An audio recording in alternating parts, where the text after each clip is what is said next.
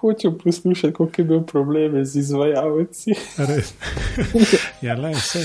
Bomo, bomo tudi do tega prišli, ne vrš naenkrat.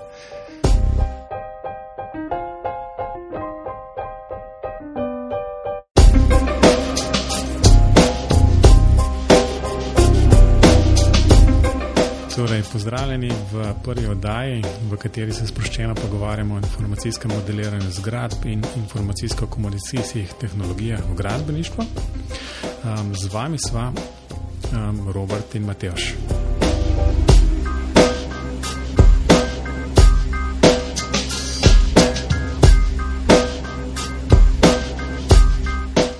Robi, um, kako si? V redu, hvala tudi um, malo mal me muči trema, ne baš pred tole prvo oddajo, ampak um, vsem deva, deva v bistvu začeti s tem, da se predstavlja. Um, pa bom jaz recimo kot pobudnik tega um, začel. Skratka, moje, moje ime je Matej Žolenc, sem sicer doktoriral na gradbeni fakulteti v Ljubljani. Um, sicer pa, recimo, če že govorimo o BIM-u, um, bi rekel, da so moje izkušnje zelo znanstveno raziskovalne. Razen da sem v bistvu se trudil v dveh primerih, ko smo prenavljali hišo, um, nekaj z BIM-i modelirati. Um, ni mi zelo detaljno uspeva, zdaj, ker arhitekt na koncu zmer razno razne črte noter vleko po mojih lepih modelih. Tako da sem te ideje pa zelo hiter opustil, pa smo prišli na svinčnik pa papir. Um, ja, to je to za enkrat, mislim, da bo kar ureda. Ja, moje, moje ime je pa Robert Klinc, za prijatelje vse sem Robi. Um, moje izkušnje z BIMI in modeliranjem so tudi precej omejene, glede na to, da sem imel zelo velike načrte, pa potem pri lastni hiši vse padalo v vodo. Um, me pa zanima, res me zanima, BIM v praksi, če lahko zaživi in zakaj še ni. Zato tudi sem bil za ta podcast, ker bi se rad še kaj naučil. No, mogoče na tem mestu dobro povedati, da smo mi dva kar sodelavca. Ne? Mi smo malo tako pisarna, ena zraven druge. Tako da um, tole sicer snemamo po Skypu, um, ampak lahko bi se tudi najbrž um, v pisarni usedla pa to posnela, ampak um, v tem daj drugič mogoče. Tako. Um, mogoče bi, kot, ker je prva oddaja, recimo, da naredili en tak uvod, zakaj sploh, recimo, oddaja o BIM, modeliranju, um, procesih in tako naprej. Ne? Ne, moram priznati, da, da, da je ideja, saj pri meni, zorela že zelo dolgo, oziroma mogoče ne o tem konkretnem podkastu, ampak o kakšnem drugem. No, izkazalo se je, da, da mislim, da je ta ne vem, nek, ne vem, um, diskusija okoli bimih, okoli bimov, um, ali je zelo um, znanstvena, um, ali pa zelo, zelo praktična. Da, da pa v bistvu neke take konkretne povezave med enim in drugim um, ni, tako da, recimo, da mi um, na fakultetah zelo, recimo, mogoče včasih preveč zviška gledamo na to, kar se v praksi dogaja. Um, verjetno je enaka tudi v drugi smeri, kjer mislijo, da mi delamo um, neke zelo utopične ali pa ne vem, kakšne druge stvari. Tako da zato, recimo, ena takšna oddaja, kjer bi, upam, z gosti, ki jih bomo imeli um, znala pokomentirati um, trenutne novice, um, predvsem se dotakniti, um, kako bim v Sloveniji, kako jasno bim v svetu, um, kam se to pelje in jasno vse skupaj povezati z drugimi IT-ovskimi zadevami, um, kar se tiče gradbeništva. Ja, moja zgodba je malce drugačna. Kot poslušalec podkastov sem tudi že dolgo razmišljal o tem, da bi kaj takega snimal, pa nisem imel prave teme, oziroma niti ne pravega sogovornika. To sem se zelo hitro pustil prepričati v ta podcast. Um, bom pa vzel to kot priložnost, da se obim in naučim še več, oziroma še mnogo več, kot sem vedel do zdaj. Um, glede na to, pa, da smo samo dva na tem podkastu in da se že mi dva sama niti ne strinjamo o tem, kaj bi naj bil, bil bi predlagal, da začnemo pri tem. Um, se strinjam. Ti, kar povej, um, tvoje videnje tega, pa veš, da se mi dva dejansko ne strinjava čistko, sto procentno. Ne, tudi mi dva se že med sabo ne strinjava, uh, ker sam osebno dojemam BIM. BIM je kritica angliško za Building Information Modeling. In sam to razumem kot informacijsko modeliranje stavb, kar pomeni, da za me je bil proces izdelave in upravljanja digitalnega modela, oziroma lahko tudi podatkov, s pomočjo katerega oblikujemo, gradimo in vzdržujemo objekt skozi celoten življenjski cikl. Jaz sem si ta navedek sposodil z strani arhinova.si. Um, Vem pa, da nekateri, med drugim tudi ti, Mateoš, to razumete malenkost drugače. Um, ja, um, jaz bi se strinjal ne, na vsak način, da, oziroma bom tako začel, da je BIM ima eno težavo, podobno kot free software, kjer je tisti free lahko razumemo kot svoboden ali pa nekaj, kar je brezplačno oziroma zaston. No, tam v BIM-ih tudi načeloma ali je to modeling ali pa model, se pravi model, informacijski model zgradbe. Um, bom rekel tako, da na vsak način je to proces, ampak mogoče v, v mojem videnju bi rekel, da je proces, katerega rezultat je model zgradbe, se pravi ta informacijski model zgradbe. In zato, recimo, da jaz to mogoče bolj gledam skozi model, um, kot si pa že sam povedal, je pa pač definicije so takšne in drugačne. Ena je um, iz National Institute of Building Science iz Amerike, kjer pač ta informacijski model zgradbe predstavlja digitalno predstavitev fizičnih in funkcionalnih lastnosti zgradbe. Skratka, pač poudarek je tukaj na modelu, ampak mislim, da je, da je oboje stoji, um, razmišljanje je lahko različno. Um, bi pa rekel, da pač, če rezultat tega procesa ni na koncu nekaj, kar je informacijski model zgradbe, pol sem mečkan skeptičen, da je to pač dejansko bim tak proces, kot bi moral biti, ne? če tega modela na koncu ni. Tako, mi dva se ne strinjava v bistvu v tem, ali je BIM rezultat nekega procesa ali je BIM zgolj orodje v tem procesu.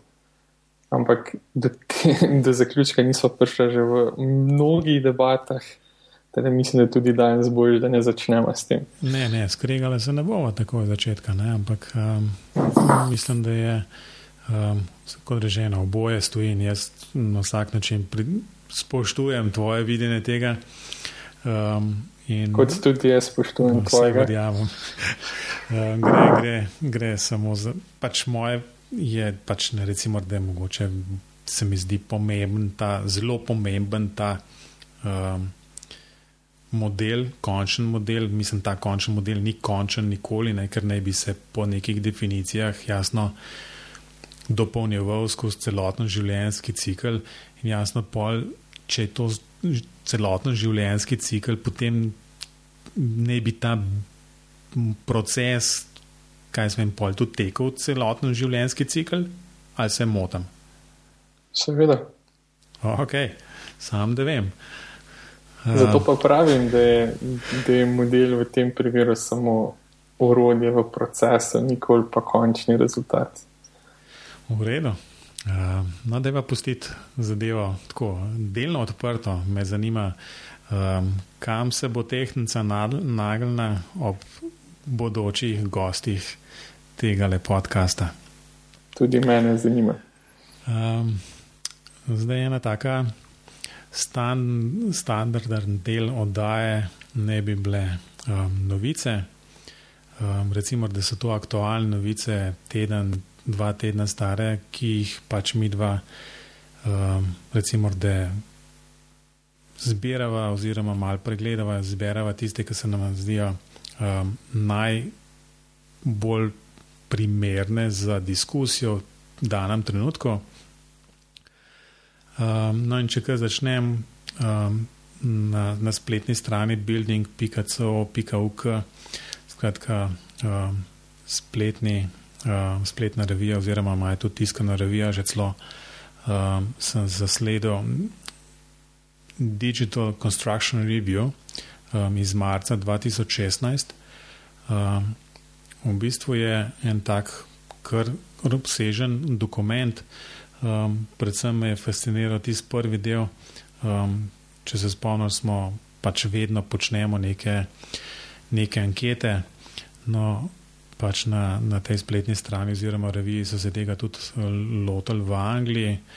Um, ta anketa je, recimo, lani decembra se začela izvajati. Um, in jaz mislim, da je kar nekaj presenetljivih um, rezultatov. Mogoče um, en takšen je, da, um, da um, uporabniki predvsej dobro razumejo um, koristi mobilnih naprav, še posebej na gradbišču um, in to s pridom izkoriščajo. Um, mogoče je zanimivo nekako tudi to, da, da je pa kot BIM kot tak. Um, niso, niso vsi definirali kot nekaj zelo, zelo pomembnega, um, oziroma nekaj, kar bi dejansko v, v osnovi spremenilo njihov način razmišljanja. Um, in v, v tem članku nekako poizkušajo to zanimivo, zanimivo pojasniti, da je pač BIM kot tak jasno ne bi bil um, zajel vse stroke, ki sodelujejo pri neki gradni oziroma vzdrževanju um, zgradb.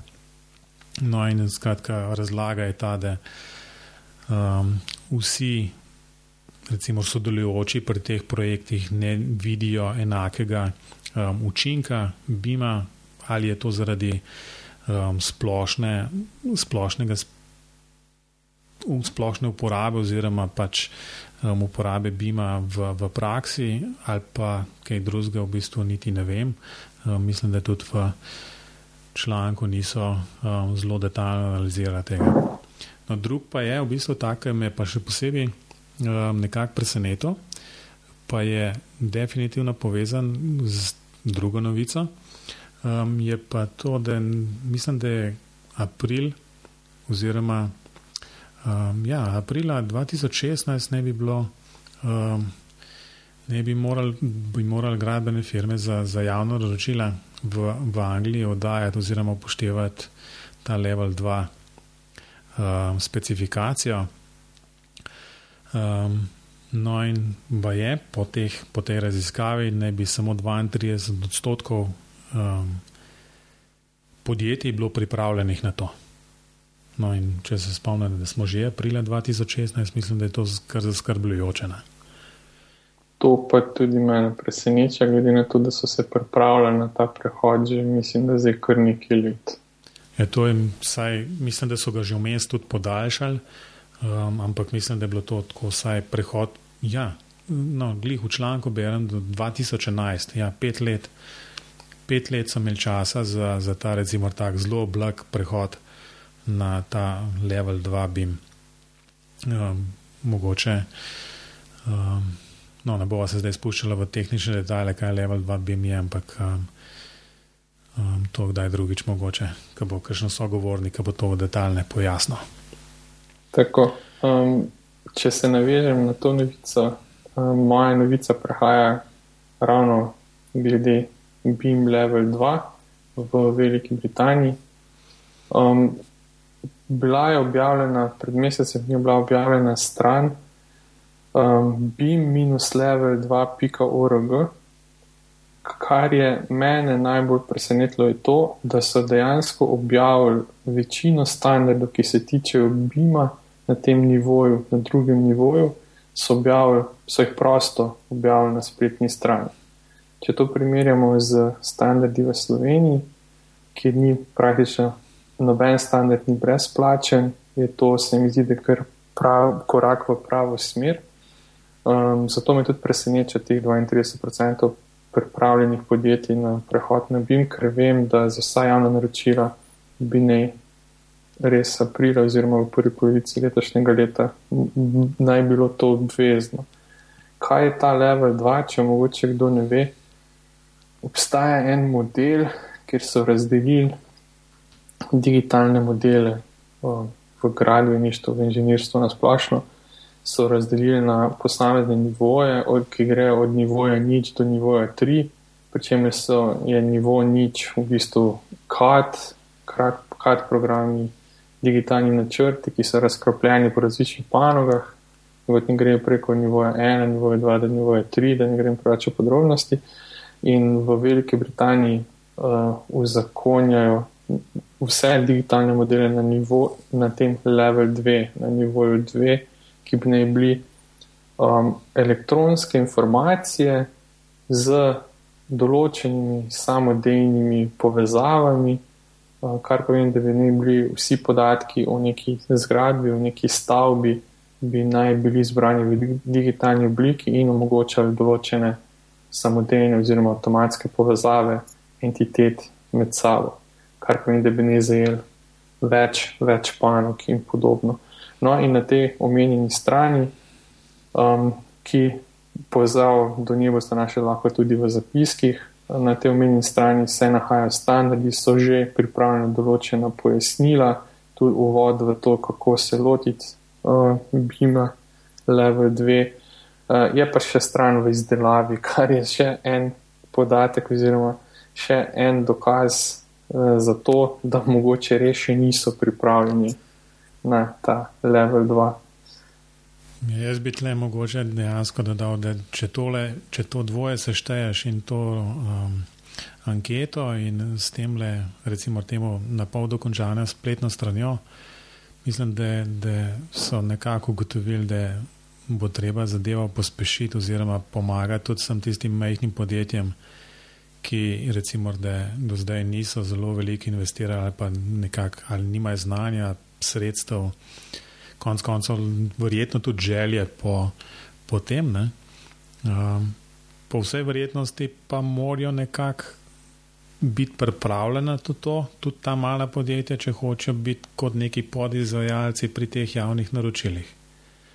Tako da najbrž ne more biti samo te velike firme pripravljene ampak mora biti dejansko do, do tistih najmanjših uh, mikropodjetij, v bistvu, če hoče jasno um, nekako sodelovati, vsaj kot podizvajalci na teh na velikih, recimo, relativno verjetno velikih projektih.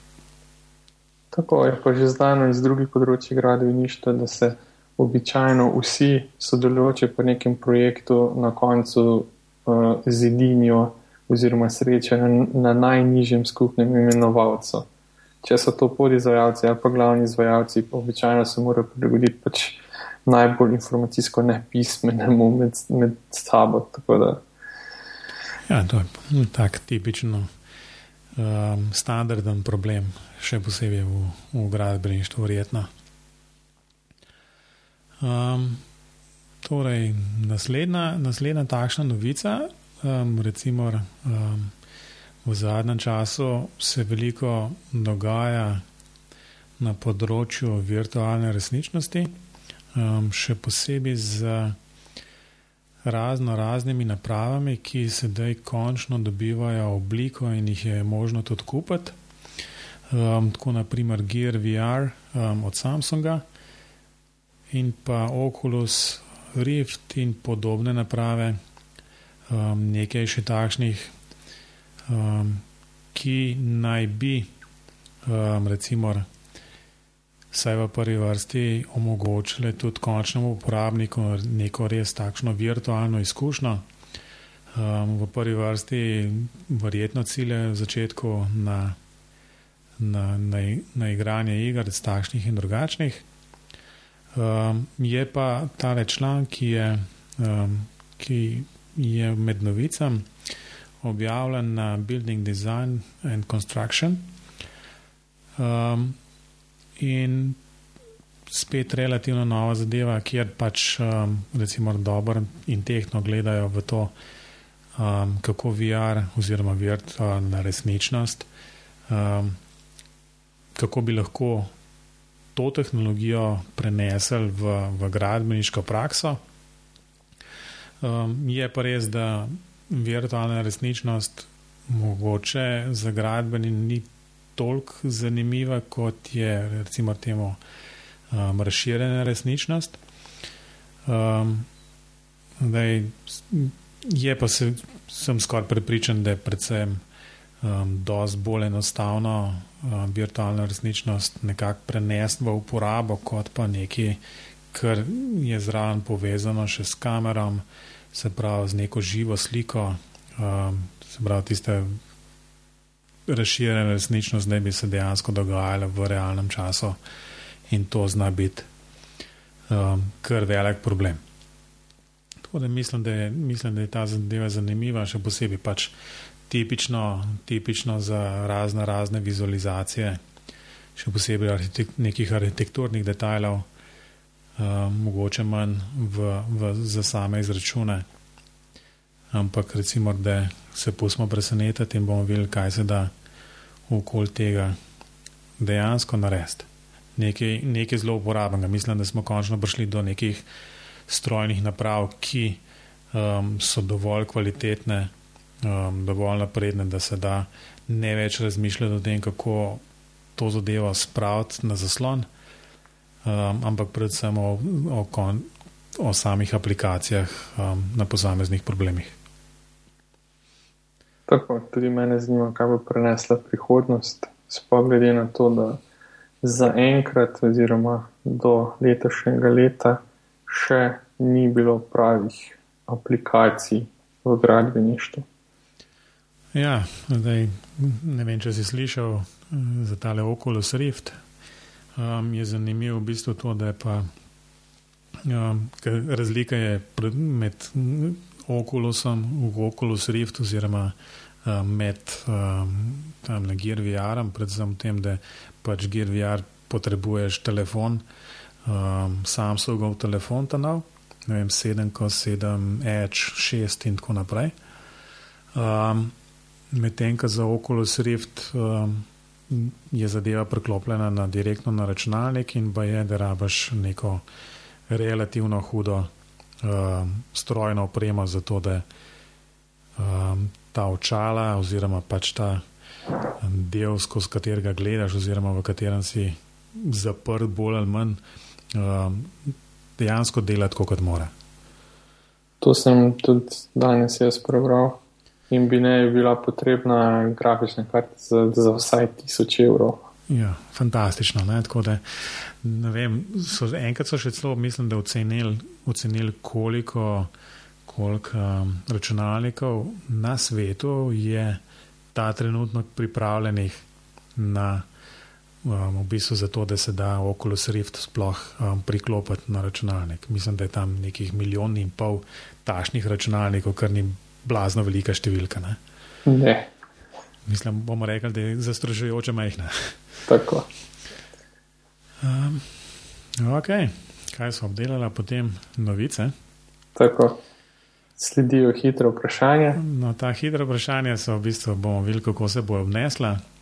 Uh, danes jih bomo mi dva nekako krutila, uh, drugače bo pa jasno, um, gost mora zelo na hitro kaj povedati o tem. Torej, prvo hitro vprašanje, pa recimo, da ti nadaljuješ pa z drugim, um, je BIM programska oprema. Če se moraš zdaj odločiti, kjer program, kjer ga boš rekel. Um, moram priznati, da jaz ne poznam veliko BIM programov, ker jih nisem veliko uporabljal. Največ sem uporabljal Archicad in še to pred leti če bi se odločil v tem trenutku, pa da bi v, pri tem cilju na Slovenijo, bi se odločil ali za Arhiket ali za Revit. Ok, jaz bom to bolj diplomatsko odločil, um, pač povedal, ne?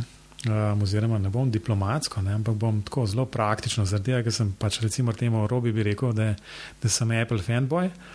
Um, zaradi tega, ker je arhiket, arhiket, ali kako koli hočemo to reči. Kako se to pravzaprav reče? Arhiket? Mislim, mislim, da arhiket, čeprav pri nas si govorijo arhiket. Ja, no. vse vemo, kaj mislimo. Ne? To je edina zadeva, ki dejansko teče na, na Appleovih računalnikih. Tako da takrat, ko, sem, ko je bilo treba se odločiti, katerega izmed naštetih revitev, all planov in podobnih bom uporabil za, za modeliranje svoje hiše, um, je bil jasno arhitekt um, edina odločitev. Tako da tle ni debate. Ne? Tako si potegnil črto. Tako. No, pa če nadaljujem, bi to vprašanje v bistvu že odgovorila, ampak bova še enkrat ponovila, da bomo lahko primerjali z odgovori najmi gostov. BIM, kaj je to? Model ali proces? Ja, model, hvala Bogu. Ne? No, v redu. Ostajam pri procesu in gremo na tretje. No, tretje vprašanje je pa um, Open BIM. Um, v smislu, ali je vredno truda, um, da kot recimo nek uporabnik v praksi, ki mora nekaj narediti z BIM-i um, in uporablja enega izmed prej naštetih programov ali pa še kakšnega tretjega, ali se je treba nekako mačkano ukvarjati s tem, da razmišljamo o odprtem BIM-u, se pravi odprtem v smislu uporabe standardnih zapisov zaradi jasno um, kompatibilnosti z drugimi um, sorodnimi programi, se pravi ne samo tistimi, ki so v osnovi namenjeni za arhitekturo, ampak predvsem tudi tisočžen program za analizo um, vem, temperaturnih in drugih stvari. Um, kaj praviš? Jaz osebno mislim, da ne. No, jaz bom tukaj jasno zagovarjal, da je nujno. Um, tako tudi svoje študente zmeraj preprečujem, sicer mi najbrž to v veliki meri ne uspeva. Um, Vrdej, ker mislim, da če tega ne bomo naredili, potem bojo, se, se spomniš tistih um, otočkov avtomatizacije, o katerih bomo mogoče enkrat v prihodnosti govorili. Um, bodo tiste otočke avtomatizacije prej bil, so bili nekje arhitekti, nekje so bili inženirji, nekje spet neki drugi, ne? strojniki, naprimer, in se niso kaj predobro med sabo razumeli. No, če OpenBeam ne bo ratov, pa jaz poznaš mene, kjer zmeraj, ne vem, zavijem z očmi, ko je treba kakšen IFC uporabljati. Um, bom rekel, da če to ne bo res, potem bomo dobili točke, kjer bodo na enem Autodesk, na drugem Graphisoft oziroma Nemček po ta novem, pa Allplan in tako naprej. Tako da ne bi si želel te prihodnosti, lahko pa rečemo, da čez 20 let bo pa tako vse Autodesk prevzel, pa bomo zadevo rešili. Jaz moram na tem mestu povedati, da če bi imel ta pogovor en mesec nazaj, bi se absolutno strinjal s tabo. Ampak trenutno imam pa skupino študentov, ki delajo direktno z arhitekti in dobivajo modele v različnih formatih. In praktično vsem je uspel uvoziti te modele v svoje programe, praktično vsem, zelo redkim ne, brez da bi kdorkoli od njih vedel, kaj je to IFC, katerokoli izmenjava podatkov, karkoli in to samo s temi proprietary formati, zaprtimi formati. Ali so to počeli preko mestnih programov, ali so to počeli direktno, v glavnem ti umestniki so precej boljši, kot so bili. Tako da jaz mislim, da se še vedno bi rad videl, da bi bil nek open, bil nek standard, ki bi to izmenjavo omogočal, ampak očitno se da tudi brez. Ne mogoče je ena pol vprašanja pri tem, ali so prenašali sam 3D model ali tudi kaj drugega. To je seveda res, prenašali so večinoma samo 3D model. Okay, potem recimo, jaz mislim, priznam, verjetno v tem primeru um, se to prenese, verjetno 100% čez. Um, veš, pa, veš pa sam, ne, da, da po definiciji to ni sam 3D, ne. je še cel kup enih drugih stvari, pa če se spomniš, kako se stvari delajo v IFC z razno raznimi um, čudnimi označbami v IFC-ju, kjer jasno te pozna sam tisti program, ki je to naredil. Um, potem najbrž pač recimo, da sem zelo, zelo skeptičen, da to dela tako, recimo po celi črti. Ne? Za 3D pa na, na vsak način. Ne? Se seveda strinjam, ampak se pa oba verjetno tudi strinjava, da nihče od teh proizvajalcev nima nikakršnega interesa vlagati v, v nek open beam format, če jih v to ne bo prisilila zakonodaja ali pa kupci. Definitivno, se strinjamo celoti. Ja. Um, ok, Lej, da ne bomo danes predolgo, ne? Um, bi jaz, um, recimo, da počasi tole zadevo spelo proti koncu obdelala smo enih par stvari, nekaj v novicah povedala, nekaj sva se ponavljala v smislu modela in procesa, ampak o tem se bomo najbrž um, konstantno vrteli. Um, tako da recimo en tak del um, oddaje bi bilo tudi recimo priporočila, um, ki niso nujno vezana na, na BIM ali pa na gradbeništvo, ampak recimo, da je karkoli um, ti oziroma jaz in jasno tudi gosti bodoči najdejo zanimivo, da pač tukaj le mačken povajo. Tako da um, bom jaz recimo danes um, s tem le začel in recimo, da v luči podcasta bi, bi v bistvu izpostavil eno podcast mrežo, um, tweet.tv. Um, no, če greste na t-it.tv, No, um, ta mreža podcastov promovirana tudi na iTunesu, v bistvu mislim, da, tako, mislim, da jih je približno 20 nekih podcastov um, imajo. Um, poslušam, mislim, da tri ali štiri, um, za več tako ni časa. Um, tako da od tam nekako, recimo, da izvira tista, recimo, prva ljubezen do, do podcastov oziroma poslušanja takšnih um, oddaj, um, kar je jasno zelo zanimivo, ker radio pa radijskih oddaj pa v bistvu ne moram poslušati. Odlično. No, moje današnje priporočilo je pa povezano z BIM-om. Vsi tisti, ki morda spremljate BIM dlje kot tole oddajo, Uh, verjetno veste, da je okrog Bima ogromno nekih dezinformacij, napačnih tolmačenj, uh, niti ne moramo se zediniti, kaj Bim dejansko je, je to procesor, model ali je to nekaj tretjega. Zato sem izvzel zanimiv en kanal, YouTube kanal Bullshit Bim. Um, po tudi povezave na voljo, pa si lahko pogledate. No, in na tem kanalu je zaenkrat en video, ne, ki prikazuje, oziroma v prvem videu se ukvarjajo s tem, z relacijo med IFC in Kobe formatom. In to na tak način, da lahko vidimo, da tudi tisti, ki so pisali originalne standarde OpenBeam, ne ločijo točno med samimi formati. Tako da priporočam, kogarkoli zanima, karkoli v zvezi z, z BIM-i, IFC, kaj sploh Kobe je, predlagam, da se to pogledajo. Video ni dolg, je pa vreden ogleda. Ja, super, um, lahko potrdim, da je fantastičen. Um, ok, torej smo pri koncu te prve oddaje.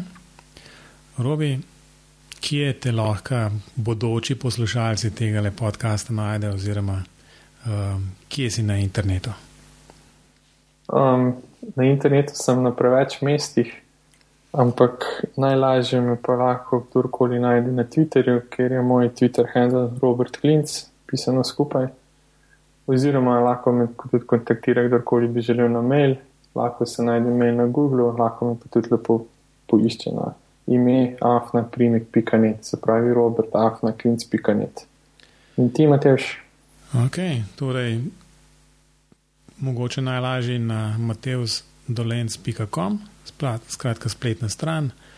Um, podobno tudi mail, se pravi Mateoš, um, afna.mateoš.dolenc.com ali pa tudi Twitter, vse je Mateoš Dolenc, um, mislim, ne se je Dolenc Mateoš, ampak um, Afna, pa Mateoš Dolenc. Um, tako da je polno enih stvari, um, kjerkoli nas boste um, kontaktirali, zelo veseli bomo. Tako da jaz bi s tem v bistvu zaključil tole prvo oddajo. Um, Bim pogovori, pika si je spletna stran, um, podcast um, je tudi na Facebooku in pa na Twitterju, tako da Bim pogovori tudi na Facebooku in pa Twitterju. Um, vse to najdete tudi na zapiskih, kjer boste pač na spletni strani našli tudi različne načine, kako se na podcast um, naročite. Tako da mislim, da je to um, vse, kar sem mislil za danes povedati. Robi še kaj? Se kaj pozabila? Mislim, da ne. Pa upam, da so, so se potencijalni poslušalci prebili skozi to prvo oddajo, pa da ne bo še kdaj poiskati. Ok, no, skratka, uh, Adijo od Mateoža in pa od Robja. Najsvidenje. Adijo.